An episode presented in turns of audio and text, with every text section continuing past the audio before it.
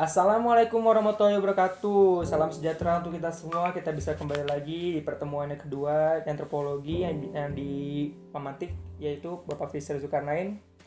Bapak Fisher gimana kabarnya baik Pak? Alhamdulillah. Baik ya Pak ya. Alhamdulillah. Oke, alhamdulillah baik. Bapak bahagia sekarang Pak? Eh, dibilang bahagia tidak sekali, tapi ada ses- sesuatu yang perlu diperdalam. Apa itu Pak yang berdalam Pak? Oh, tadi saya di SMS SMS oleh siapa Pak? oleh ketua Ketua jurusan. oleh Pak Dekan. Oh, oleh Pak Dekan. Beliau mau ngomong apa Pak? Eh, dia bicara tentang kemungkinan untuk mempercepat Apa Pak? eh, proses saya untuk mengambil profesor. Oh, barakallahu fi umrik, Ba. Semoga itu terjadi ya, Pak ya, dalam waktu dekat ini. Ya, didoakan semoga Bapak mendapatkan cita-citanya yaitu profesor ya, Pak ya. Ya, tapi nampaknya agak berat nih. Ah, nggak apa-apa, Pak. Yang penting dijalanin dulu ya, Pak. Karena, karena Pak Dekan mengatakan kepada saya harus bulan Juni ini. Waduh, kayaknya berat deh. Ah, jauh ini bawa berat, Pak. Ada Allah ya. Ah. Ini Bapak harus harus semangat, harus jalani hidup dengan baik dan jangan tergesa-gesa. Itu yang terpenting. Oh, Ya, Pak ya. Iya.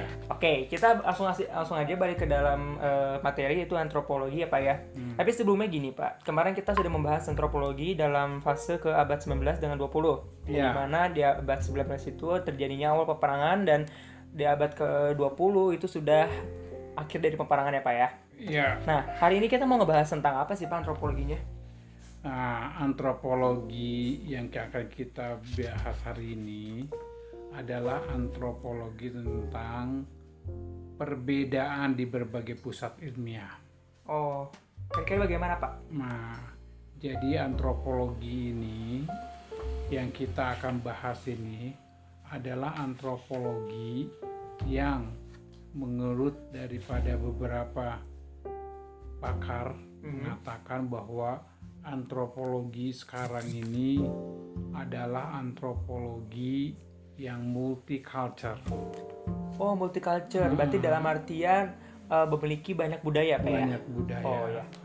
Kira-kira bagaimana Pak multicultural Nah, itu? jadi karena itu multicultural, akhirnya kita perlu agak sedikit tenang membahasnya. Mhm. Nah, jadi pertama adalah kita harus membahas masalah sejarah asal dan perkembangan manusia. Yang kedua yang akan kita bahas adalah masalah sejarah terjadinya beragam makhluk manusia. Yang ketiga Pak? Nah, yang ketiga adalah masalah sejarah asal, perkembangan, dan penyebaran beragam bahasa yang diucapkan manusia di seluruh dunia. Yang keempat ada masalah perkembangan, penyebaran, dan terjadinya beragam kebudayaan manusia di seluruh dunia. Yang kelima adalah masalah mengenai asas-asas kebudayaan manusia dalam kehidupan masyarakat dari semua faktor. Oh, oke. Berarti kita eh, mau ngebahas yang pertama dulu ya Pak ya? Ya. Dari masalah sejarah asal dan perkembangan manusia. Nah, ya. Itu bagaimana Pak? Tolong dijelaskan. masalah sejarah asal dan perkembangan manusia itu bisa kita lihat di dalam kalau kita melihat buku yaitu buku pengantar ilmu antropologi itu bisa kita lihat bahwa di sana terjadi ada masalah sejarah asal dan perkembangan manusia atau evolusinya sejarah biologi ya Ya. kelima eh, Yang kedua Pak? yang kedua adalah masalah sejarah terjadinya beragam makhluk manusia kalau yang terjadi yang pertama adalah asal dan perkembangan manusia yang kedua adalah sejarah terjadinya beragam makhluk manusia yang dipandang dari sudut ciri-ciri tubuhnya Oh. jadi dilihat dari sudut ciri tubuhnya sebab kita ketahui bahwa manusia itu berkembang beda-beda. Umpamanya kalau kita lihat orang Eropa putih, kemudian eh, badannya lebih tinggi. Berarti kita kalau eh, membicarakan sesuatu eh, tentang ras apa ya? Hmm, Berarti ras dari Eropa itu Hmm. yang Bapak contohkan. hmm. Oh, oke. Ke, ke- boleh diceritain nggak Pak kira-kira kok Jadi- bisa terjadi ya Pak ya? Jadi gini, sejarah terjadi beragam makhluk manusia yang di Eropa itu itu adalah suku eh, apa namanya kulitnya adalah putih, Mm-mm. ya Mm-mm. And then? Putih dan sudut ciri-ciri tubuhnya berbeda daripada kita. Dia itu Hmm. putih, kemudian kebanyakan juga apa namanya tinggi-tinggi badannya Mm-mm. dibanding dengan kita. Mm-mm. dengan kita orang Asia. Oke. Kemudian kalau kita lihat orang Afrika Mm-mm. berbeda, yaitu badannya hitam, kelam, Mm-mm. Fisiknya hitam, kelam, berbeda dengan yang orang Eropa. Kalau orang Asia justru badannya itu kecil-kecil, Mm-mm. tidak seperti orang Eropa besar-besar. Oh iya. ya orang Asia orang Asia itu te- terbagi-bagi ada Asia Timur, Timur atau Asia Tenggara ya. atau Asia Barat. Barat dan lain sebagainya termasuk orang Cina orang India Orang Jepang. orang Jepang itu beda-beda Asia juga oh, ininya badannya badan Asia tetapi fisiknya berbeda-beda Mm-mm. kalau orang Cina itu putih kalau orang Jepang putih tetapi beda bahasanya Hmm, ya. kalau orang Indonesia itu eh, Beragam-beragam ya Pak ya? beragam Ya betul.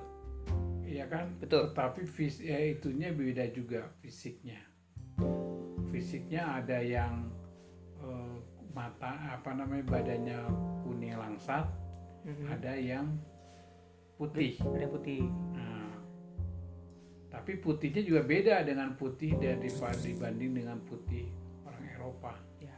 ya kan Ya. itu baru dari Asia saja Hmm. nah, itu. Selanjutnya Pak. Nah, selanjutnya masalah sejarah asal, perkembangan, penyebaran beragam bahasa yang diucapkan manusia di seluruh dunia. Jadi manusia di seluruh dunia ini bahasanya macam-macam. Bahasa kita aja Indonesia aja berapa bahasa? Tepatnya sukunya ya Pak ya? Tepatnya sukunya. Ya. Dari Jadi sukunya di Indonesia aja ada berapa ratus suku, itu juga punya bahasa sendiri. Mm, Apalagi dunia, betul. berarti beri kalau di dunia ini umpamanya ada ribuan suku, berarti ada ribuan juga bahasa. Bahkan jutaan mungkin Pak ada. Hmm, Kira-kira. ya. Tuh dia, sampai jutaan. Oke. Nah, umpamanya bahasa, yang kita lihat sekarang orang Jepang aja bertetangga dengan orang Cina. Ya. tetapi mukanya sama dengan orang Cina agak mirip dikit tetapi bahasanya beda orang Cina dengan orang Korea meskipun sama-sama putih tetapi berbeda dari segi penalaran bahasa jadi jangan dikira orang eh, Korea itu sama bahasanya dengan orang Cina beda Hmm. begitu juga dengan orang Jepang apalagi dengan orang Thailand Hmm. apalagi dengan orang Maos, Hmm. orang Korea. Oh itu semuanya berbeda-beda. Padahal dari tiga negara tersebut tuh memiliki karakteristik yang mirip ya. Iya. Dalam arti kayak sipit-sipitnya, Sipitnya. putih-putihnya ya. Putihnya, Iya. Kemudian badannya, hmm, lenggok-lenggoknya, hampir sama. ya betul. Tetapi dari segi bahasanya beda, tetapi dari sisi yang membedakan itu adalah dari sisi ke, ke apa namanya tingkah lakunya, Hmm. attitude-nya. Attitude kira-kira gimana Pak? beda. Jadi orang Jepang dengan orang Indonesia dengan orang Cina itu berbeda Hmm. dari sisi eh, bahasanya bahkan dari kulturnya beda. Kulturnya beda. Ya Cina itu juga macam-macam itu. Bukan satu Cina itu walaupun namanya Cina tetapi kalau kita bongkar kulturnya macam-macam beragam-ragam juga itunya. Sama seperti orang Indonesia. Indonesia itu ketika antara orang kita aja yang ada di Indonesia dengan orang kita ambil pokoknya orang Aceh itu beda dengan kita kulturnya bahasanya maksudnya. Kemudian perilakunya dan lain sebagainya. Sebelah daripada Aceh itu orang Sumatera Utara. Betul. orang Sumatera Utara juga beda-beda. Jangan dikira sama dengan orang Aceh agamanya beda. Orang Sumatera Utara itu. Karena dia orang Batak. Medan. Batak beda. Batak itu sukunya? Batak itu sukunya kemudian Medan. Nah itu kemudian di bawah Medan itu ada orang Sumatera Barat atau orang Minang. Itu beda lagi. Dari segi bahasanya dari sisi culture. culture-nya dari sisi agamanya oh macam-macam. Kemudian turun lagi ke bawah itu. Itu baru di Sumatera aja udah macam-macam. Hmm. belum umpamanya Sumatera itu ada lagi ke orang Riau Riau juga beda lagi. Jambi. Jambi. Riau ada dua pak. Ada Kepulauan Riau ada Riau. Hmm.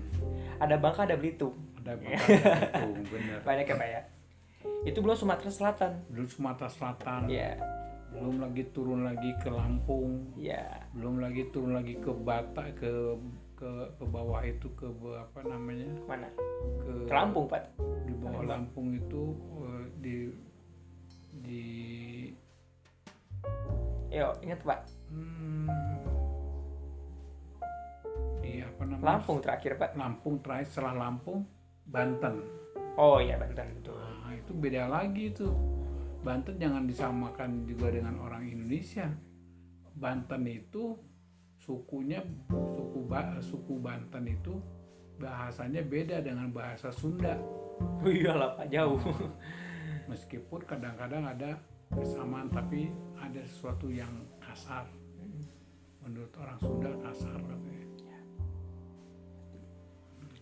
Ya intinya tiap daerah itu memiliki culture beda-beda ya pak ya? Beda-beda. makanya disebutnya multikulturalisme multikulturalism ya Hmm. oke oke. Ya pak baik selanjutnya gimana pak? Jadi masa sejarah terjadi beragam makhluk manusia dipandang dari sudut ciri-ciri tubuhnya. Kemudian masalah sejarah asal perkembangan nah itu sejarahnya juga beda itu. Jadi sejarah asalnya dari mana? Manusia itu kan macam-macam asalnya. Tuh seperti yang tadi kita katakan bahwa kita aja dengan orang Batak beda asalnya. Ya kan? Karena beda sehingga perilaku bahasa juga beda. Itu baru dari Indonesia. Belum kalau kita bicara orang Eropa belum kalau kita bicara orang Arab. Belum kalau kita bicara orang Afrika. Oh itu belum lebih- lagi Amerika. belum lagi Amerika. Wah lebih banyak lagi. Ya betul betul ya lebih banyak lagi. Jadi itu sebut dengan sejarah terjadi beragam makhluk manusia dipandang dari sudut dan ciri-ciri tubuhnya. Jadi ciri-ciri tubuh juga beda.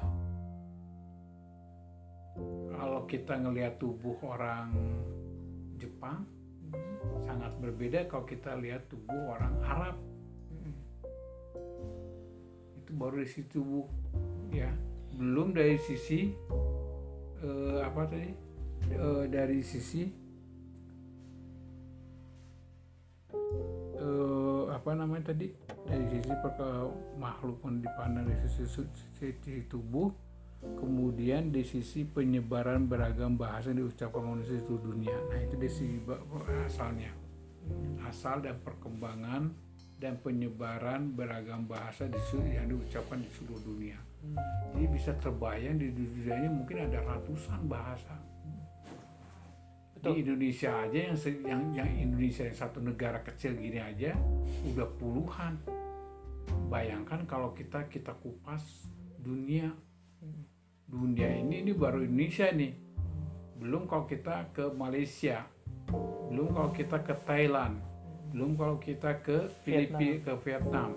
Terus ke ke mana lagi? Vietnam di atas Vietnam Singapura itu belum? Singapura. Singapura. Belum lagi ke India. Oh itu macam-macam kabarnya. India itu juga bahasa India itu ada beribu-ribu juga bermacam-macam. Mm-mm. bukan satu bahasa India itu aja yang kita pahami makanya orang India juga bingung itu.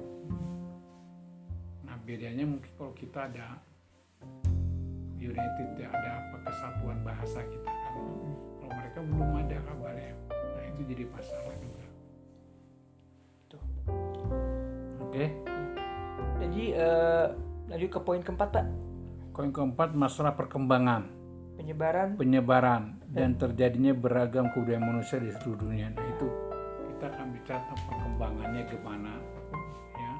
Kemudian penyebarannya, udah berkembang, kemudian dia menyebar. Contoh kayak gimana? Contoh kayak uh, kayak Inggris. Inggris itu perkembangannya, kemudian pe penyebaran penyebarannya. Coba sekarang ada budaya Inggris makanya makanya dia melakukan eh, apa kolonial apa namanya penjajahan. penjajahan Nah, berekspansi ekspansi. Mhm. Nah, karena melakukan penjajahan akhirnya terjadinya juga kebudayaan manusia seluruh dunia. But, eh, by the way eh, Inggris itu menjajah negara berapa aja pak Wih banyak Inggris itu. Inggris salah satu negara yang mungkin kalau dilihat dari sesi jabah jajahnya paling banyak di dunia. kira-kira ada 50 negara dijajah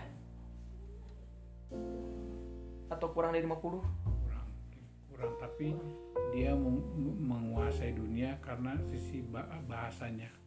Bahasa Inggris itu kita anggap sebagai bahasa satunya yang me- me- apa namanya lebih tepatnya bahasa internasional mungkin bahasa internasional pertama. Ya. Karena hampir semua negara dipaksa di, di, di- di- untuk belajar bahasa Inggris. Inggris Sebab bahasa Inggris dianggap kalau orang udah punya bisa bahasa Inggris, dianggap kalau kita pergi ke negara-negara ke negara-negara asing Mhm. itu udah udah dianggap aman. ya betul Kenapa dianggap aman? Karena dengan bahasa Inggris itu kita merasa semua se- dianggap se- eh, sesemua bisa berbahasa Inggris. Mhm. Karena dianggap bahasa Inggris dianggap nomor, bahasa nomor satu di dunia. selain bahasa Hmm. nasional berarti bahasa Inggris dijadikan bahasa wajib buat pegangan Buat pegangan. oh, oke oke Sebab kalau tidak tahu bahasa Inggris kita dianggap tidak akan tahu dengan dunia. waduh Karena apa? Karena bahasa orang di dunia ini ya di mana-mana pasti bicara bahasa Inggris. Setelah itu mungkin bahasa lain, bahasa daerah, da- bahasa di- di- bahasa bahasa di dia. Ya. Jadi masa perkembangan, penyebaran dan terjadinya berbagai kebudayaan manusia di seluruh dunia. Yang kelima, masa mengenai asas kebudayaan manusia dalam kehidupan masyarakat di semua suku bangsa yang tersebar di seluruh muka bumi. Kira-kira bagaimana tuh pak mengenai asas-asas kebudayaan manusia Nah, jadi masalah asas kebudayaan manusia dalam kehidupan masyarakat dari semua suku. Jadi kita akan membahas juga tentang asas kebudayaan manusia. Asas kebudayaan manusia dari kehidupan masyarakat. Di asas itu artinya dasar. Dasar daripada kebudayaan manusia. Ya, dalam kehidupan masyarakat. Jadi di umpamanya kita di Indonesia.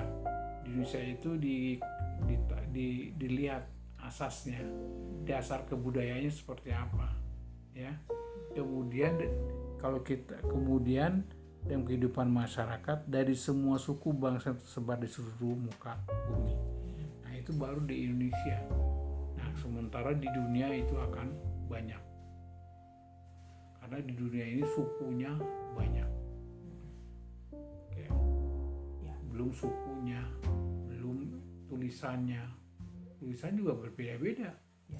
jangan kita anggap bahwa tulisan kita dipahami oleh semua rakyat yang ada di dunia tidak ya Cuma saya bu- ingin, berta- ingin bertanya nih Pak. Ada dua suku di dunia ini yang terjadi. Itu eh, suku tersebut itu hilang begitu saja. Misalkan suku Indian di Amerika Hmm. hilang. Suku aborigin di Australia hilang. Hmm. Itu kenapa bisa terjadi ya Pak? sebenarnya nggak hilang masih ada Hanya hanya tidak dikembangkan oh, tidak berkembang seperti seperti apa seperti Indonesia umumnya dia dikembangkan kan karena bahasa pelajaran bahasa Indonesia hmm, kemudian budaya budaya Indonesia. Semuanya dikembangkan. Nah kalau di di Australia seperti aborigin itu tidak terlalu digalakan. Dia orang aborigin itu di Australia itu tidak seperti di kita di Indonesia dipelajari bahasanya kemudian tulisannya kemudian budayanya dan sebagainya nah lama-lama budaya itu kan lama-lama jadi, jadi habis. Karena di oke di Australia itu semuanya ditulis dengan bahasa Inggris. Jadi bahasa semua orang cukup dengan bahasa Inggris itu sudah cukup. Berbeda dengan Indonesia. Oh, Indonesia kan semua dengan bahasa Indonesia kan? Indonesia sendiri udah mulai banyak eh, suku-suku yang mulai tenggelam seperti umpamanya suku apa yang kita ketahui di Indonesia umpamanya suku, suku Batak. Bat- buku Batak. Hmm, Hmm. suku Baduy. suku Baduy dan suku Baduy lah. Hmm, itu kita nggak nggak nggak pernah tahu itu tulisannya seperti apa bahasanya seperti apa. Nah lama-lama suku Baduy juga akan hilang. Sama kayak suku Aborigin hmm, karena tidak dikembangkan. kan di- tidak dikembangkan jadi yang namanya budaya itu kalau tidak dikembangkan lama-lama bisa habis. Nah yang yang di, yang dikembangkan lah yang akan kuat. Seperti di dunia ini yang dikembangkan adalah bahasa Inggris. Maka suku bahasa Inggris itu akan de- ke depannya akan mungkin akan menjadi kuat. Berarti penyebab utanya, utamanya suku itu hilang karena tidak dikembangkan. tidak dikembangkan. Tapi kira-kira ada faktor lain nggak Pak yang bisa menghilangkan suku tersebut? Pertama tidak dikembangkan karena eh, kepentingan. Oh, kepentingannya kurang. Ya kepentingannya kurang. Dulu juga apa namanya bahasa Indonesia ini dulu kalau tidak kuat kepentingannya akan hilang juga. Karena bahasa Indonesia itu diambil daripada bahasa eh, Sanskerta karena itu makanya dikembangkan dijadikan satu. Dan kemudian dipelajari terus kemudian dikembangkan terus akhirnya sampai sekarang jadi bagus. Nah saya khawatir kayak bahasa bahasa Sunda bahasa Jawa, Jawa bahasa Padang. Padang. Itu mungkin lama-lama akan akan akan hilang bahasanya karena apa karena kalah oleh bahasa Indonesia karena tidak eh, bahasa itu hanya dipakai pada waktu pembicaraan saja tapi tidak dalam bentuk tulisan ya nah kalau tidak bentuk dalam tulisan lama-lama akan hancur juga gitu. Tapi eh, kira-kira bakal bahaya nggak sih Pak kalau misalkan bah- bahasa daerah itu bakal hilang? Hmm? Bahaya nggak sih kira-kira? saya pikir bahaya tergantung juga karena manusia itu kan lama-lama kan hidup lahir mati kemudian setelah itu Hmm, begitu? kemudian setelah itu Mana? oh, hidup apa hidup kalau tidak dikembangkan Hmm. ini juga akan habis nah karena akan habis itu akhirnya bahasa yang dibawa itu nanti akan dikuasai oleh bahasa yang yang kuat sekarang seperti Indonesia umpamanya. Dia bisa mendominasi bahasa Sunda bahasa Jawa bahasa apa namanya Batak. Itu saya pikir lama-lama juga lama-lama akan habis. Karena pertama pendidikannya kurang. Kayak di kita di Indonesia bahasa bahasa untuk pendidikan kan cuma bahasa Indonesia. Sementara bahasa Sunda atau bahasa Jawanya tidak ada. Nah lama-lama ini saya pikir lama-lama juga akan akan habis. Tetapi bukannya warisan budaya itu harus dijaga ya Pak ya kira-kira? ya warisan budaya bukan bahasa Tapi bukannya bahasa itu bukan termasuk dari budaya juga? betul itu juga dari bahasa tapi sejauh mana kemampuan eh, negara untuk membiayainya Tetapi ada satu budaya yang di mana itu diakui sama negara lain padahal itu milik Indonesia Pak. Yang yang terjelas itu adalah batik. Ya Pak ya, Ah. batik. Batik itu diklaim oleh negara Malaysia itu milik dia katanya. Itu kira-kira menurut Bapak gimana tuh Pak?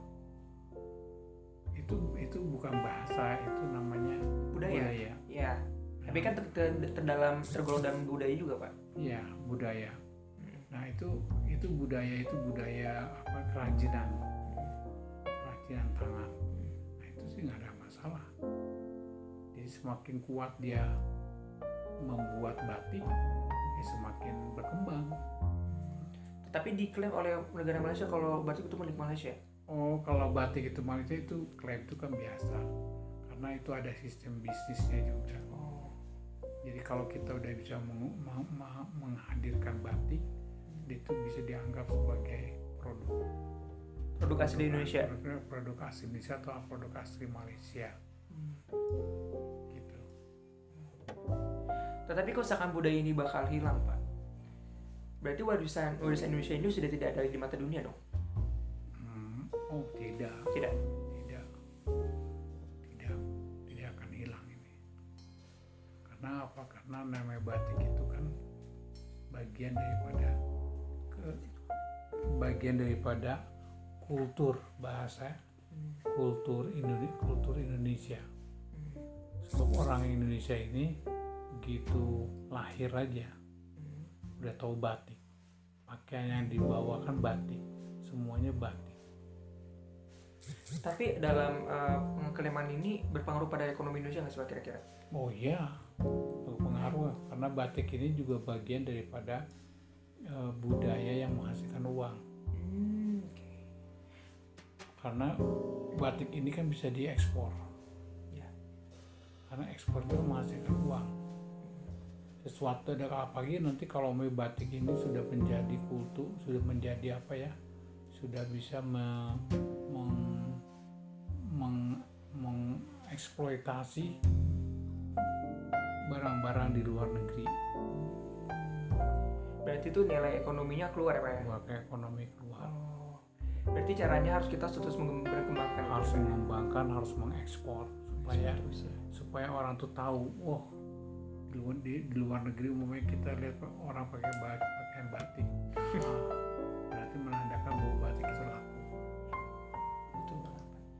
Berarti sampai kapan pun kalau kita masih mengembangkan uh, budaya kita itu tidak akan hilang ya Pak? ya? tidak akan hilang Oh, oke oke oke. Baiklah Pak Piser. Kira-kira ada lanjutan lagi Pak nah pembahasannya? itu masalah situ kemudian perbedaan antara antropologi dan sosiologi antropologi itu seperti yang saya katakan tadi bahwa antropologi itu eh, berkembang secara ruang lingkup dan batas lapangan perhatian yang luas menyebabkan adanya paling sedikit lima masalah penelitian ya. Itu sebelum antropologi. Nah daripada antropologi itu ya ada perbedaan antara antropologi dan sosiologi.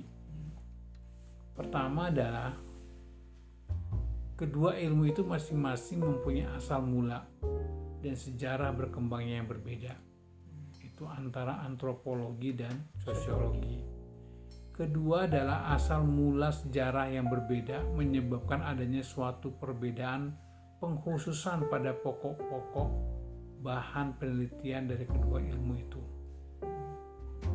Yang ketiga adalah asal mula dan sejarah yang berbeda juga telah menyebabkan perkembangnya ke beberapa negara. Jadi dapat disimpulkan seperti apa sih Pak? Hubungan antara sosiologi dan antropologi? eh ini perbedaannya terlalu kecil ini sebenarnya kalau dalam ini. Karena apa? Karena karena saking kecilnya jadi eh, sejarah perkembangannya berbeda. Perbedaannya terlalu kecil jadi ada orang mengatakan antropologi dan sosiologi itu sesuatu sebetulnya tidak ada perbedaan. Tapi kalau dilihat-lihat secara kasat mata ada perbedaannya itu. Yaitu perbedaannya seperti saya katakan tadi bahwa sejarah perkembangannya berbeda. Di sejarah perkembangan antropologi dan sosiologi itu ber- berbeda yang kedua adalah asal mula sejarah yang menyebabkan suatu perbedaan pengkhususan dan pokok bahan penelitian dari kedua ilmu itu yang ketiga asal mula dan sejarah yang berbeda juga telah menyebabkan perkembang berkembangnya beberapa metode dan masalah yang khusus ke kedua ilmu masing-masing. Jadi bagaimana Pak kira-kira korelasinya? Jadi korelasinya adalah bahwa sejarah berbedanya antara antropologi itu adalah masalah khusus, masalahnya adalah masalah kedua masalah metode daripada masalah khusus daripada kedua ilmu masing-masing. Artinya adalah perbedaan sangat sempit. Sangat sempit sekali perbedaan antara antropologi dan sosiologi itu. Karena kedua-duanya masih dalam satu satu Lingkup. lingkup. Jadi tidak ada perbedaan yang signifikan. Tidak ada yang signifikan. Ya, Berarti kalau kita mempelajari sosiologi berarti sama aja mempelajari antropologi gitu Pak? ya. Karena antropologi dan sosiologi itu sebetulnya berbeda yang kecil sekali. Bicara sosiologi dengan bicara antropologi kan sebenarnya hampir sama. Tetapi kalau dalam terminologinya atau dalam diambil dari dua bahasa, antropos dan logos dan sosio dan logos, Hmm. itu dalam artinya itu gimana Pak? Nah, kalau antropologi, antropologi itu adalah sesuatu ya coba kita lihat di sini ya. Antropologi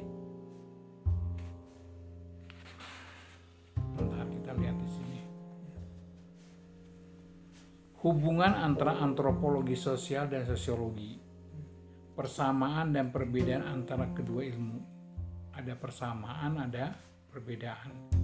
Ditinjau sepintas, seolah-olah tidak ada perbedaan antara il- subilmu antropologi yang baru, yaitu antropologi sosial, dan suatu ilmu lain yang sebutannya telah lama dikenal umum, yaitu sosiologi. Jadi sebenarnya itu tidak- terlalu beda, tidak terlalu jauh bedanya. Seperti telah kita lihat pada subbab sebelumnya, ilmu antropologi sosial berusaha mencari unsur-unsur yang sama di antara beragam masyarakat dan kebudayaan manusia. Tujuannya adalah untuk mencapai pengertian tentang asas-asas hidup masyarakat dan kebudayaan manusia pada umumnya. Hal tersebut juga merupakan tujuan dari ilmu sosiologi, sehingga dipandang dari sudut tujuan keduanya seolah-olah sama. Sebaliknya, kalau ditinjau lebih khusus akan tampak beberapa perbedaan. Nah, itu yaitu kedua ilmu itu masing-masing mempunyai asal mula dan dan sejarah perkembangannya yang berbeda. Yang kedua, asal mula sejarah yang berbeda menyebabkan adanya suatu perbedaan pengkhususan pada pokok dan bahan penelitian dari kedua ilmu itu. Yang ketiga, asal mula dan sejarah berbeda juga telah menyebabkan berkembangnya beberapa metode dan masalah yang khusus dari kedua ilmu masing-masing. Itu.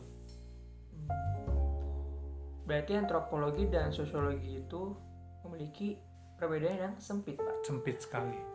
Berarti hampir sama aja ya? hampir sama Karena keduanya mempelajari tentang kebudayaan kebudayaan dan perkembangan manusia. betul Berarti eh, dalam dalam satu lingkup sosial a- akan ada terdapat antropologi di dalamnya. betul Oke oke oke saya paham sekarang. Oke Pak Fisher kira-kira ada yang ingin ditambahkan lagi? ada yang tambah lagi pertama adalah yang ingin saya tambahkan itu adalah sejarah perkembangan sosiologi asal mula sejarah perkembangan antropologi telah kita pelajari di atas. Sebagai perbandingan akan kita pelajari sekarang asal mula perkembangan ilmu sosiologi. Pada mulanya ilmu sosiologi hanya merupakan bagian dari ilmu filsafat. Para ahli filsafat menganalisis segala hal yang ada dalam alam sekelilingnya, juga tidak lupa memikirkan tentang masyarakatnya. Dengan demikian, di dalam ilmu filsafat ada suatu bagian disebut filsafat sosial. Sejak abad ke-19, teori-teori dan konsep-konsep filsafat sosial itu telah berubah, sejajar dengan berbagai perubahan aliran filsafat dan latar belakang cara berpikir orang Eropa Barat pada waktu itu.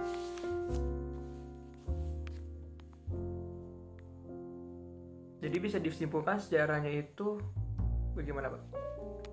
Jadi sejarahnya ini antropologi itu antropologi itu perkembangan menurut perkembangan sosiologinya antropologi itu bisa terbagi-bagi. Satu adalah antropologi biologi, dua antropologi budaya. Antropologi biologi itu dibagi menjadi dua.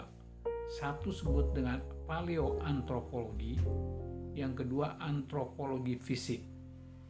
Sementara antropologi budaya dibagi menjadi prehistori, etnolinguistik, etnologi, etnomusikologi, antropologi spesialisasi, dan antropologi terapan. Sementara etnologi dibagi menjadi descriptive integration atau etnologi dan generalizing approach atau social antropologi. Sementara antropologi spesialisasi dibagi menjadi antropologi ekonomi, antropologi politik, antropologi kependudukan, antropologi kesehatan, antropologi kesehatan jiwa, antropologi pendidikan, antropologi perkotaan. Berarti banyak ya Pak cabang untuk mempelajari antropologi itu. Ya, banyak. Tapi kalau saya dijelaskan sekarang sepertinya waktunya sudah tidak cukup ya Pak ya. Ya. Karena sudah panjang. Hmm, Mungkin akan dibahas di lain kali saja Pak ya. ya. Nah, buat buat penutup silakan Bapak bisa. Jadi penutupnya bahwa perkembangan antropologi itu seperti yang saya sebutkan tadi itu ada dua. Pertama adalah antropologi sosial dan antropologi dan sosio sosiologi. Kemudian kita bahas juga mengenai perkembangan sosiologi. Sudah dicukupkan Pak Fisher? Cukup satu. Oke, alhamdulillah Eh, buat pertemuan kedua ya berarti ini Pak ya, Ya. antropologi secara online sudah dicukupkan. Eh, Mudah-mudahan apa yang disampaikan oleh Pak Fisher bermanfaat untuk mahasiswa ilmu politik semester 2 dan saya harap semoga teman-teman bisa mendengarkan dengan dengan baik ya Pak ya, secara saksama. Oke, terima kasih Pak Fisher waktu untuk waktunya. Ya, Assalamualaikum warahmatullahi wabarakatuh.